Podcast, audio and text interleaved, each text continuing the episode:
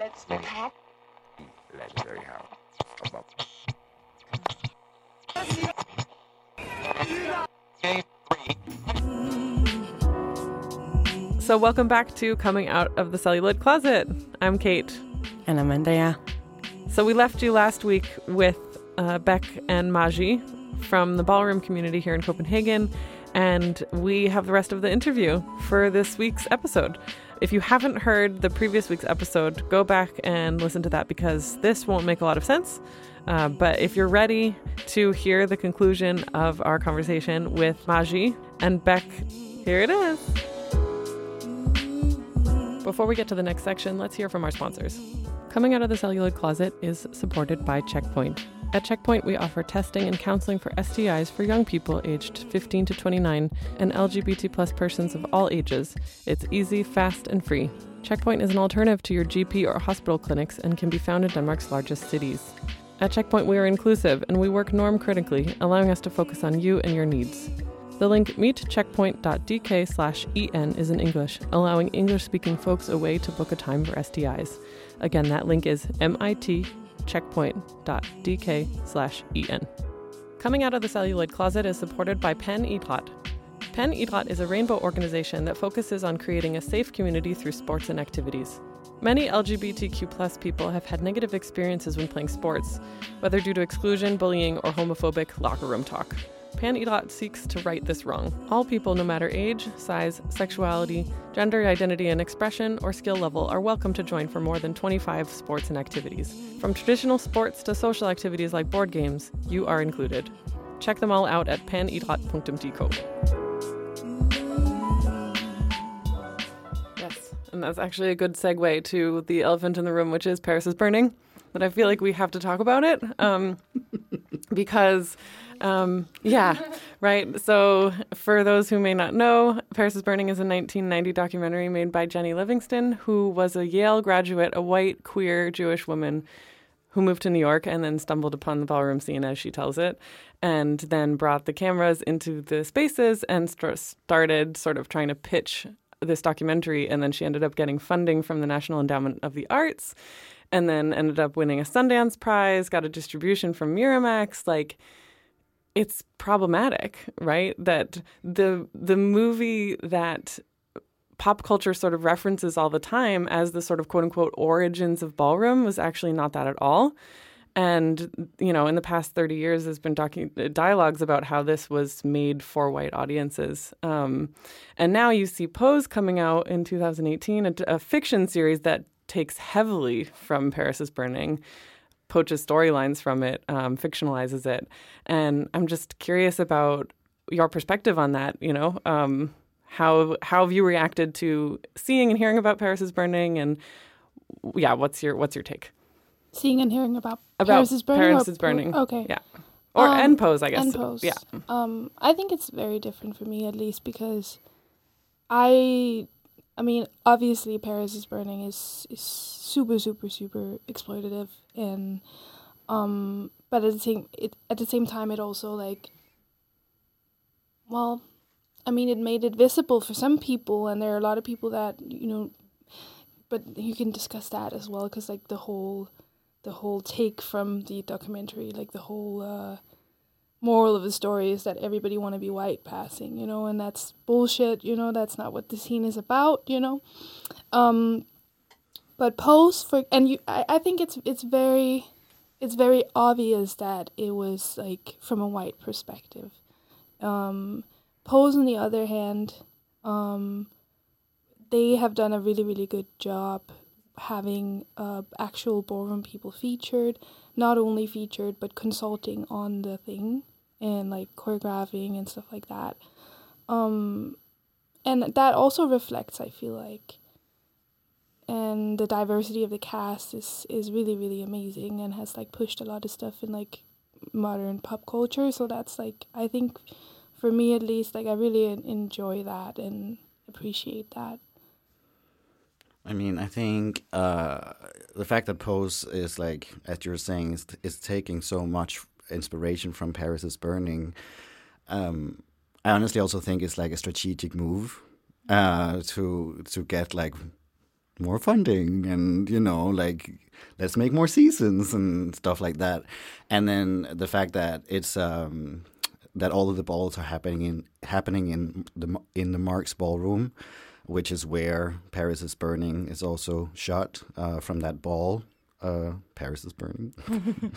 um, I mean, it's also a place where a lot of balls were held uh, back in in the in the eighties. So um, that also makes a lot of sense. Um, but uh, yeah, I I also wanted to add, like with the pose, um, I think the first season is much more from like kind of like a Paris is burning white perspective, but it's also because Ryan Murphy is like the main producer of the show at this time, and then he gives the torch on to Janet Mock uh, on the next two seasons, and you see the shift so much. From like also it, it starts from being from like the gay man's perspective and then all of a sudden it's like oh it's all about the trans women the, the next two seasons like they are like the focus point Hello, ladies. I'm a loyal customer here, out with my girlfriends, and we're having just the darndest time trying to relax into this peaceful summer evening. And what is it that we can do for you? There's nothing peaceful about your grating voices. Cackling so loudly, we can't even hear our own conversation. Elektra, do not do it. This one right here is not worth it. I don't think that my girlfriends and I are any louder than these other tables. Why don't you be frank with us? What exactly is it that you're trying to say? I'm no dummy. I work in the city, and I know a man pretending to be a woman when I see one, and I see three right in front of me.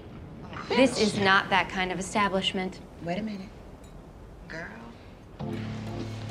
God may have blessed you with Barbies, a backyard with a pony in it, a boyfriend named Jake, and an unwanted pregnancy that your father paid to terminate so you could go to college and major in being a basic bitch. None of these things make you a woman. Mm-hmm. clear your throat. Lubricate. Read that bitch. Your uniform of ill-fitting J. Crew culottes, fake pearls, and 50 cent crunchies cannot conceal the fact that you do not know who you are. Mm. I know our presence threatens you. We fought for our place at this table, and that has made us stronger than you will ever be. Now pick your jaw up off the floor and go back to your clam chowder and shallow conversations. My girlfriends and I aren't going anywhere. It was lovely talking to you. Y'all heard that? Go and get your clam chowder before the clam chowder gets you. Shall we order another round? Yes, please. Shit. yeah i think it's much more real i guess you could say like in season two uh, especially um but i mean yeah paris is burning i think it's um it's uh it's an ongoing discussion and, and i think also for a reason uh because it's like it was very exploitative it was a lot like she earned a shit ton of money on this movie and basically all of the people that she interviewed uh, died really soon after because they didn't have health care and a lot of them had aids. So um, which is just like insane to think about and she had promised them money she didn't give them any you know? There's all of this stuff that is just like ugh heartbreaking and heart-wrenching. Um, but I also think we also have to we also have to remember that we're looking at it from our 2021 glasses, and uh, all of the discussions about representation and culture uh, today are very different, and um, and uh, I not saying that that makes it okay, but just saying that I I think like if I talk to people that were in the ballroom scene at that time, a lot of them are just like, yeah, it was fab, you know, like we we got like we got a little bit of like fame and like I saw myself and like on the big screen, I loved it, and then some other people are like, fuck her, and you know, kind of wanted and like also uh try to uh go to uh how do you say it? To go to court try try to like make a case against her and stuff like that. So you know of course i mean it's not the ballroom community is not like one unity that all like entity that all thinks the same thing and like some people thought it was fab and some people thought it was not fab at all you know so yeah really good to remember that 2021 is not the same as 1990. Um, yeah, and then yeah, I, I also want to ask just about Uh, RuPaul. I'm, I'm just asking the annoying questions about pop culture because, like, as uh, mainstream audiences, we think like, oh, Death Drop, right? But no, no, no, no, no, no. Maji literally just like cringed. Cringed. the Entire body. body cringed. um, yeah, and having had however many seasons of Drag Race, like I don't even know. Um, there's still so much like vernacular and language that comes directly from the ballroom scene that is sort of thrown out as like the drag culture owns that and that like RuPaul owns that and like he creates all these challenges where like you know there's the reading challenge and all this stuff um and And Michelle Visage And used Michelle- to be in the House of Ninja, actually. And Magnifique. And Magnifique. Anyways, sorry. Yeah, no, I mean it's it's all these good tidbits to remember. Um, like from my perspective, it just feels feels like a diluting of the entire culture. Um, but some people have argued in media that like any repre- representation is good representation. So yeah, I would love to hear your thoughts about that. And I guess like maybe kind of want to piggy right on the question and say, but is that the point? Like, is is is the ballroom scene trying to bring its language and its culture to people outside of ballroom? No. Oh, No. Depending on the person, on the okay, people. yeah. Okay, depending on the person. But no. On the person. Yeah. I mean, I don't know. I just I feel like RuPaul's Drag Race is fun, but like it also kind of I don't know how to put it. It just it it definitely appropriates so much and claims stuff that it doesn't that like doesn't really know. And as like throughout this interview you probably understood that ballroom has such a huge legacy and such a rich history as well. And so every time you carry it into space you kind of have to do it with the knowledge and respect of the history and the people who like actually use this as like a fight and a protest to create this space that's so so so so sacred and needed for so many people. And then when RuPaul's Drag Race goes in and like normalizes uh appropriate appropriating behavior, it kind of undermines the whole legacy of it all. Um Ballroom is super proud and super like, you know, and and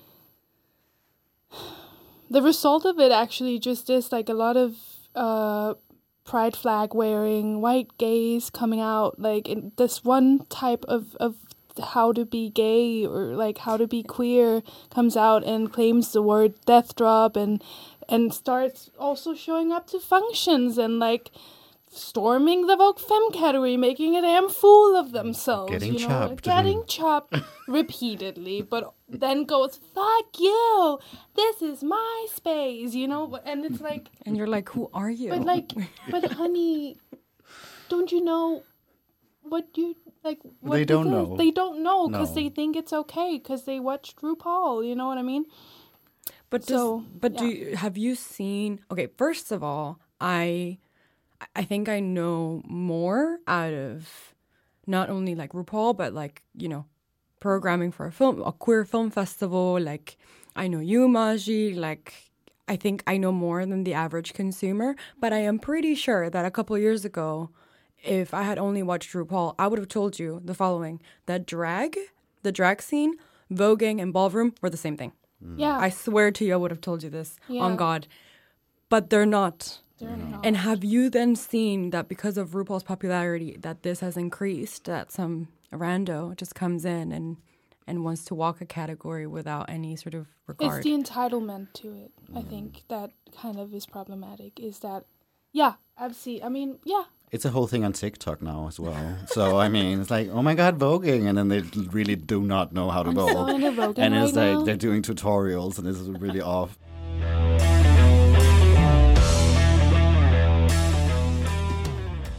Hello, welcome back to Dance Geek. Today I've got an actual dancing video for you. Today we are going to be learning Vogue.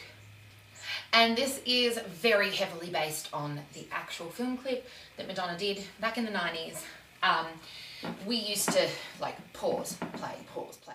But anyways, But I mean, oh, we had the um, tutorials too. the just tutorials are- misinformation. Just Yes. and that there are various dance classes out in like the outskirts of who, like you know, I don't even know that teaches Vogue, mm, and I don't know what they're. You know, you don't know what they're doing. They're just they Hmm. think that okay, I am a gay male, so I can teach this. You know what I mean?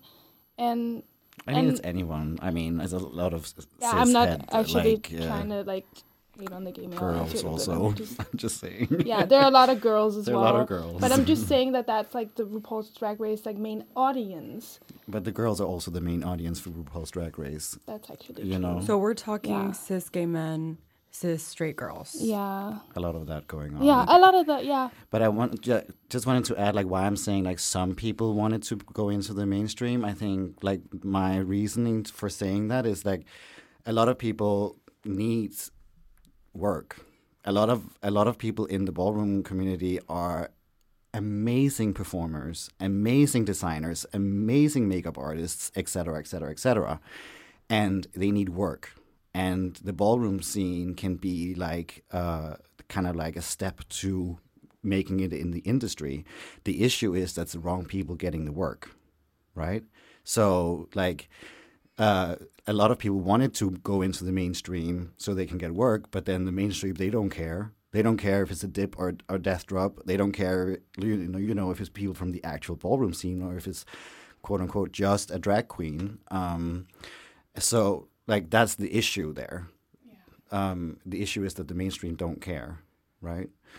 Um, and like I remember uh, seeing stuff that were like really not Vogue when I just started, but thinking it was Vogue and thinking it was fab.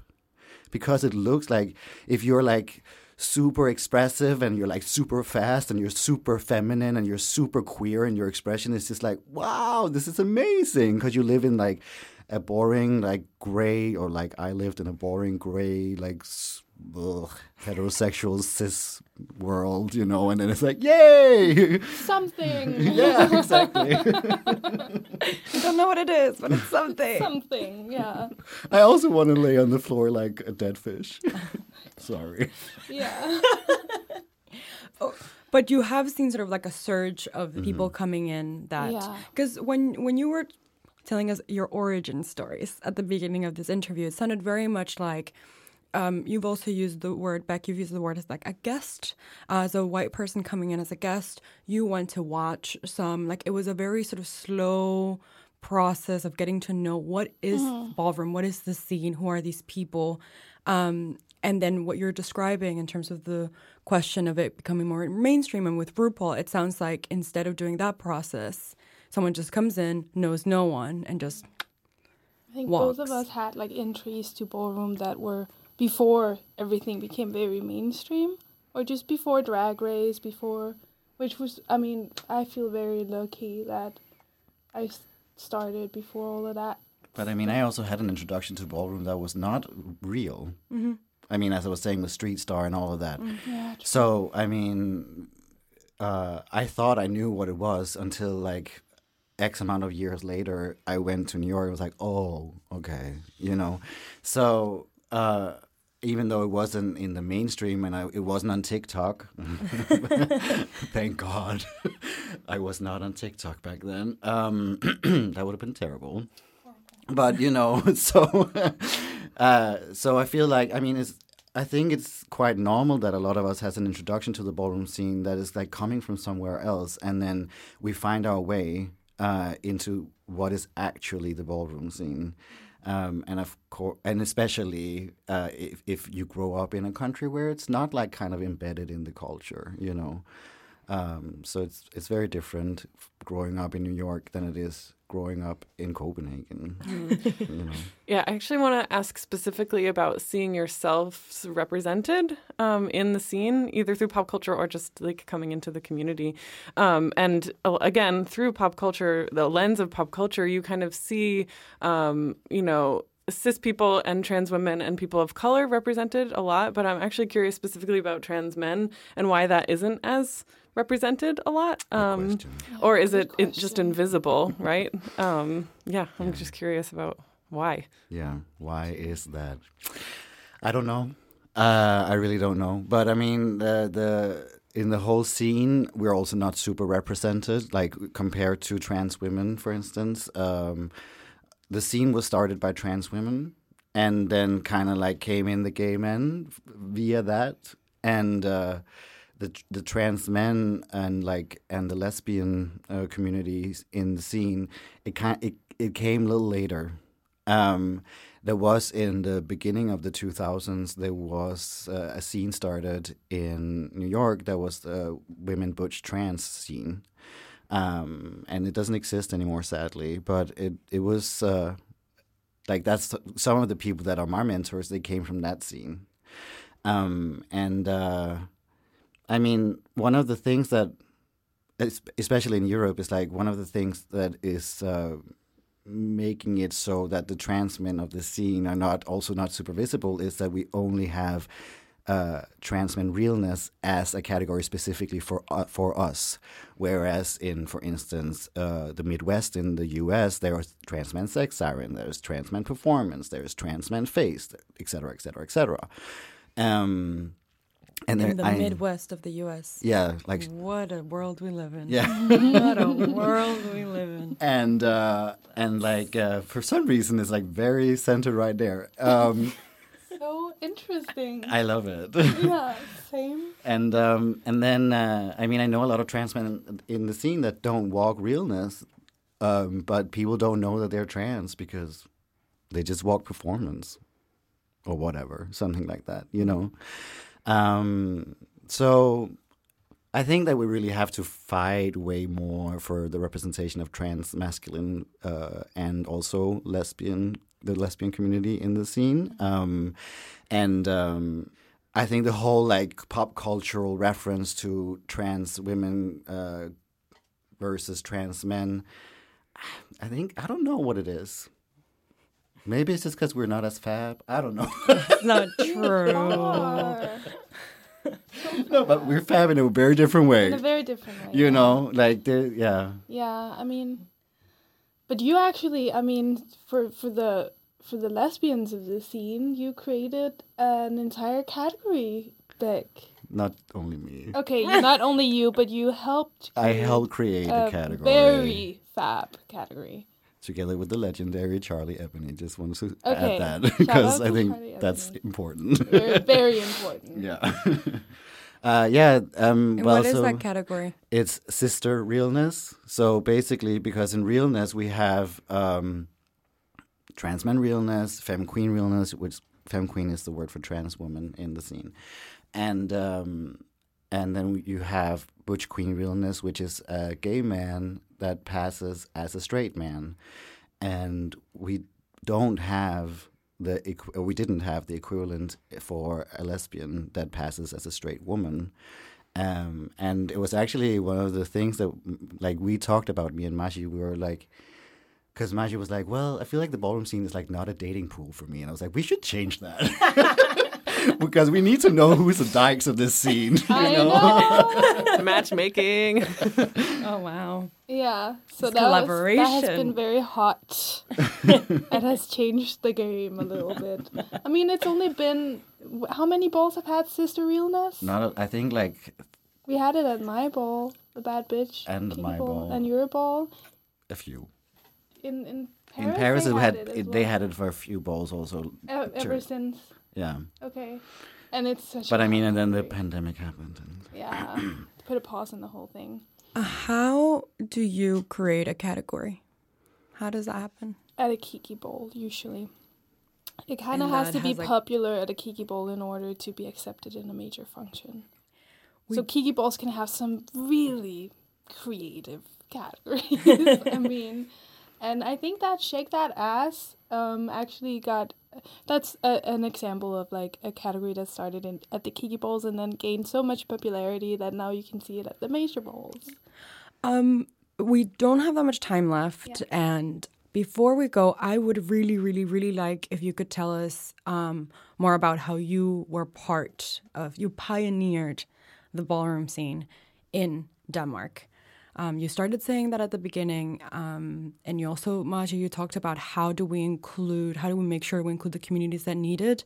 I have personally gone to a voguing class with you that was only for QTBIPOCs. For those that don't know, that stands for queer, trans, black, indigenous people of color, um, where it was exclusive for QTBIPOCs. So if you could just maybe tell us, like, how did it happen? When did it happen? How do you know each other from?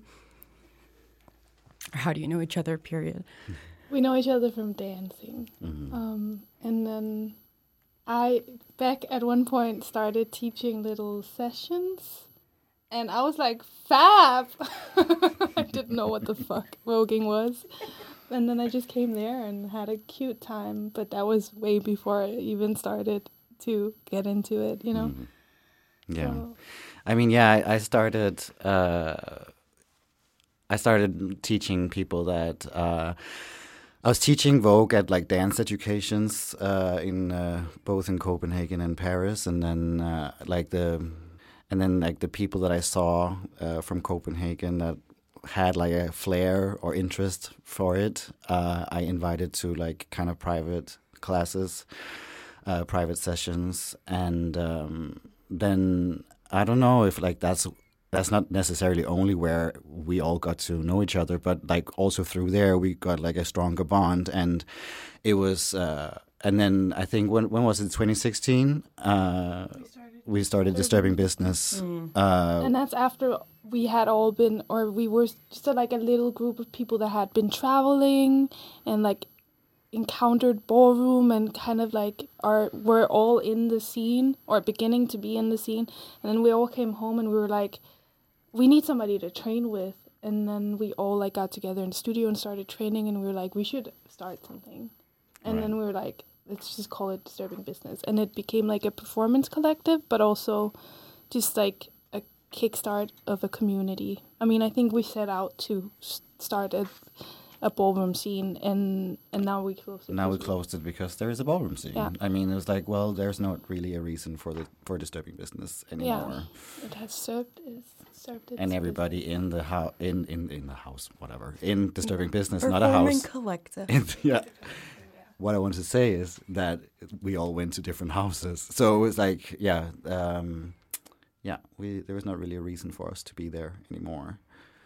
Um, yeah. So I, I mean, it's been a lot through sessioning, session, session, yeah, session, session, hosting sessions. open sessions and trying to tell pe- hey you look like you could use an open session you know because it's like you can't really i mean we can write it on instagram but then i mean how do you get the right people there and the first couple of times nobody was there you know And now it has gotten so big that we can actually target it more to specific people, like and have sessions that are uh, separatists. For for instance, the, sessions that you were having, and uh, or like I just started right like th- this week started having uh, trans non-binary uh, sessions. Uh, that it, so it's only for trans people or non-binary people. So I mean, we because we are trying to target it to more specific people because there's a lot of people that feel like being fab and that's great, but like we also want the right people to be fab, you know. Mm.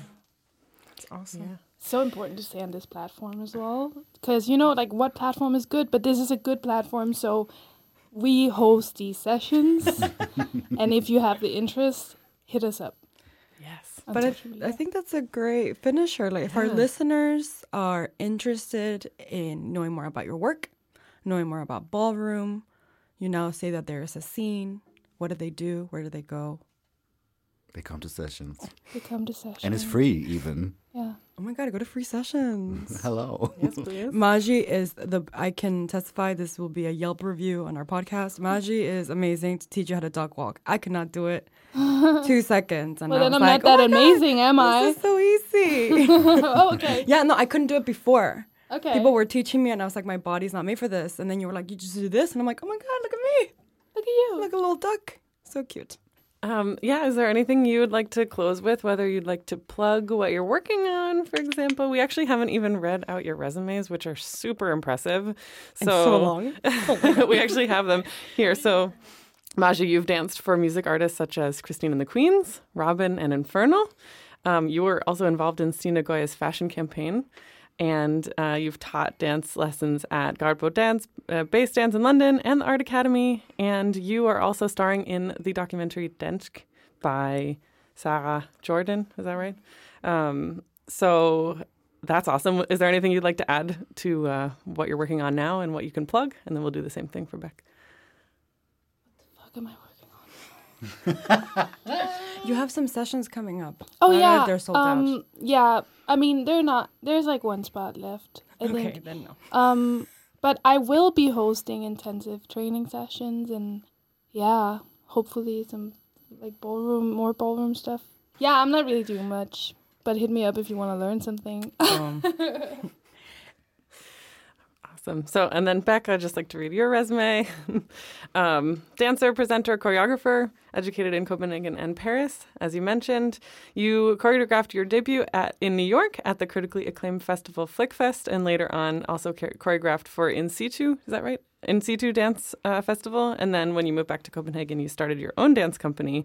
And your latest works include the performance installation Digging a Glittery Grave, which has its premiere in the fall, and Jeg er Silas, which is nominated for Denmark's biggest stage performance award.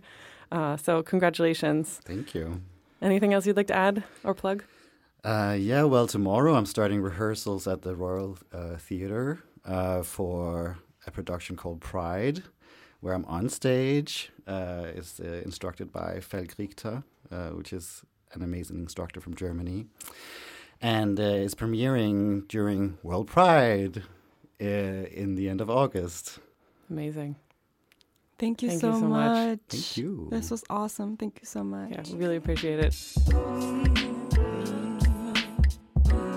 Thank you so much to Maji Miyaki McClare and Beck 007 for being our guests today. This episode of Mix Copenhagen's Coming Out of the Celluloid Closet podcast was presented by Andrea Coloma and Kate Crochelle. It was researched by Michael Talton and produced with help from Ben Hansen Hicks. Mixing and editing by Winter Robinson. Don't forget to like and follow Coming Out of the Celluloid Closet on Spotify, Apple Podcasts, or wherever you listen to podcasts. We are releasing new episodes every week throughout the autumn.